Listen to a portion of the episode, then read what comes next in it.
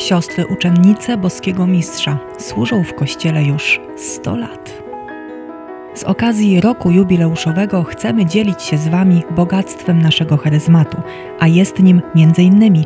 apostolstwo posługi kapłańskiej.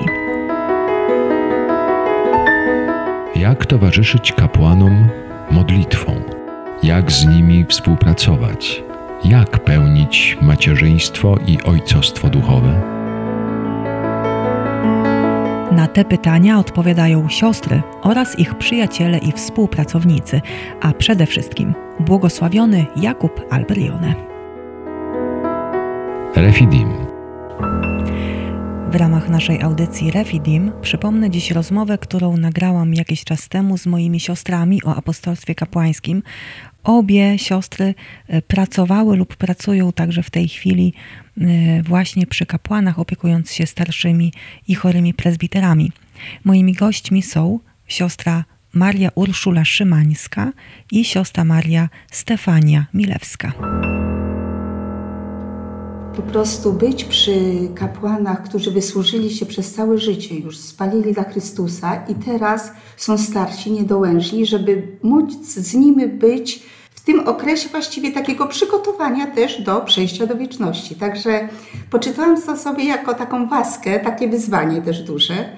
Nieraz kapłani, którzy przechodzą na emeryturę, zostają przy swoich parafiach jako rezydenci i wtedy na miarę możliwości posługują spowiedzią, odprawiają mszę świętą, czy gdzieś jeszcze się udzielają w innych parafiach. Natomiast niektórzy, to oni już czekali na miejsce w tym domu i po prostu, żeby już tam zamieszkać i wtedy sobie też dojeżdżają do parafii, gdzie go ich proszą i oni tam też udzielają e, się duszpastersko. Natomiast inni, no to z konieczności po prostu stan zdrowia. I wiadomo, że, bo nieraz niektórzy mieszkali też u swojej rodziny, nie, nie jest w stanie zapewnić takiej opieki, a tutaj jest już całościowa taka opieka i, i, i także można powiedzieć dzień i noc.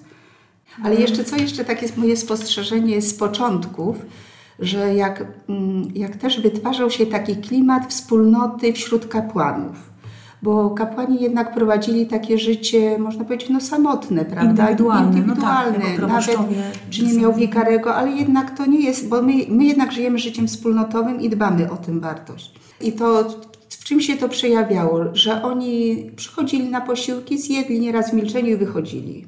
I to był, to był taki szok dla nas, ojej, że, że po prostu tak jakby każdy tak sobie w swoim świecie idzie do pokoju, czy gdzieś po pokojach się spotykali tam, ale że tak nie ma takiego klimatu wspólnoty przy stole. I z czasem zauważyłyśmy, nawet same żeśmy to mówiły, że że ci kapłani jakoś dłużej siedzą, rozmawiają się są, ze sobą, żartują, nawet nieraz głośno ktoś stanie, coś powie. Także mówię, rzeczywiście i to tak, to, to nie nastąpiło tak w ciągu miesiąca, to z czasem dopiero mówimy, ojej, rzeczywiście coś się zmieniło. I potem takie, wiadomo, wspólna msza święta przecież przeżywamy, święta wspólnie jakieś rekreacje, takie wspólne grillowanie, bo dyrektor bardzo o to dbał, żeby też mieć wspólnie świętować czy wspólny wyjazd. Także to nas jakoś tak łączyło, bo to rzeczywiście nieraz na święta to się wyjeżdża do swoich rodzin, a my razem z tymi księćmi, czy tak samo pracownicy swoje godziny odpracują, idą do domu, a sobotę, niedzielę my jednak jesteśmy z tymi kapłanami. I to jednak tak wiązało, że tak oni nas traktują jak takie matki, takie swoje siostry, nasze siostry. Dla nich to jesteśmy nasze siostry bycie tam wśród tych wśród kapłanów y, no jest dla nas też takim, jest to i zaszczyt i jednocześnie jest to też i trud, nie? Bo czasem wiąże się z tym, że wieczór w nocy trzeba wstać, że trzeba mm, jeszcze coś zrobić, obsłużyć. No to jest taka też radość, że możemy w ten sposób służyć Jezusowi w kapłanach. Jeszcze jak siostra mówiła o tej adoracji, że księża się dziwią, że dlaczego nie ma adoracji, prawda? Co, czy sióstr nie ma, czy co. Na początku tak nie było. Jak żeśmy przyjechały, to w ogóle trzeba było przeforsować to, żeby oni zrozumieli, że my mamy półtorej godziny adoracji. To jest nasz obowiązek, ale też przywilej, to jest nasza siła, że my bez tego nie możemy żyć, nie możemy posługiwać. I na początku ci księża starsi, oni tak, tak z litości tak mówią, siostro, ale po co siostra te półtorej godziny? To siostra weźmie coś tam odmówi, przecież siostra zmęczona. A ja mówię, właśnie ja tu odpoczywam, właśnie tu nabieram siły. I oni tak nie mogli, tak chcieli z litości nam, żebym sobie trochę skróciła tą adorację. Także, ale, a potem właśnie z czasem oni rzeczywiście zobaczyli, że, że to jest wpisane w nasze życie, w nasz w rytm naszej codzienności i potem po prostu już właśnie, że to, to jest Odkrywają to sióstr. też, też dla siebie, prawda? Tak, tak, tak. I jeszcze tylko może dodam, że jak wybuchła ta pandemia cała i była prośba ze strony też episkopatu i, i biskupów o modlitwę, o ustanie tej pandemii, tak y, księża zadecydowali o odmawianiu różańca, różańca wieczorem, po, już po, po posiłku, nie? To takie ostatnie nabożeństwo było i ono do tej pory trwa. Y, Księża bardzo chętnie przychodzą i nie zwalniają się z tego, także jest codziennie odmawiany wspólnie różaniec. Jeżeli są nabożeństwa majowe, czerwcowe, to dodajemy jeszcze do tego i to jest też takie taka mobilizacja, taki wkład modlitwy za Kościół, za o pokój teraz na świecie, jak jest wojna na Ukrainie. I naprawdę księża chętnie przychodzą, modlą się, oddają ten swój czas.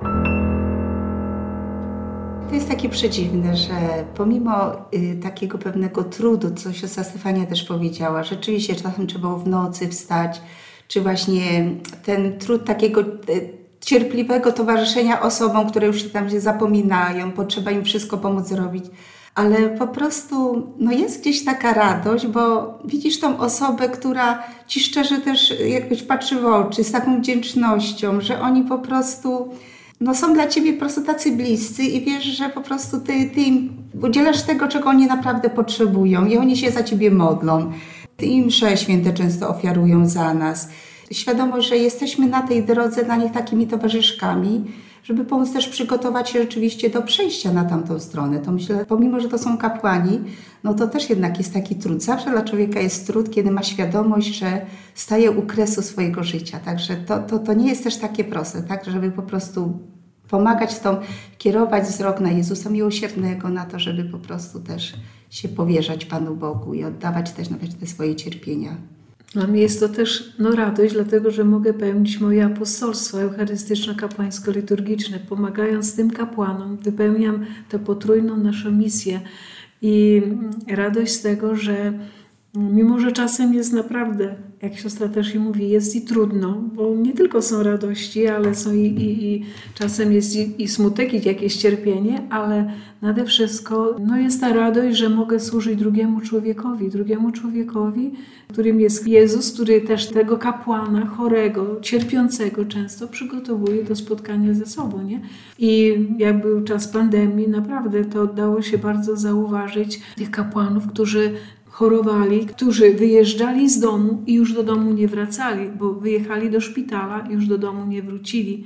Zmarli, po prostu zmarli. I to było takie dla nas też przeżycie, y, a jednocześnie jak można szybko przejść na drugi, na drugi brzeg, nie? na drugi brzeg naszego, naszego życia, na spotkanie z Panem. I ta troska o to, żeby byli zaopatrzeni, żeby odchodzili godnie nie? do tego. I to jest właśnie, i to jest nasza taka, z tego też wypływa radość, że możemy służyć i pomagać mm, właśnie tym kapłanom w tym przejściu do Ojca.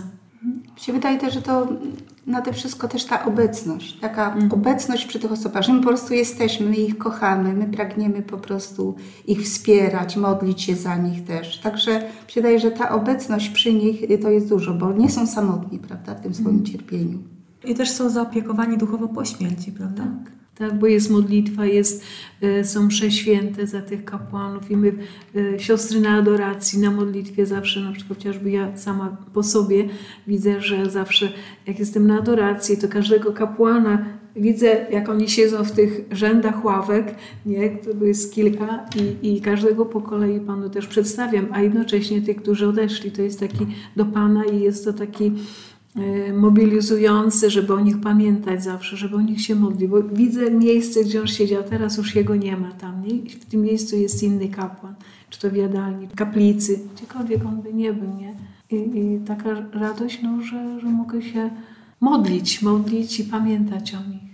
Słuchając sióstr przypomina mi się e, to napomnienie, takie wezwanie ojca założyciela, błogosławionego Jakuba Albelionego, żebyśmy były jak Maria przy kapłanach, żebyśmy wypraszali, wypraszały powołania kapłańskie, towarzyszyły w formacji, towarzyszyły w całej posłudze kapłańskiej przez całe życie, a także w tym odchodzeniu i modliły się za nich e, po śmierci, jeśli tego jeszcze potrzebują. I myślę, że to się właśnie dokonuje w życiu wielu z nas, e, dokonuje się także w życiu sióstr, które zaprosiłam e, do studia i którym bardzo dziękuję. Siostra Urszula Szymańska była z nami, szczęść Boże, Szczęść Boże, dziękuję bardzo.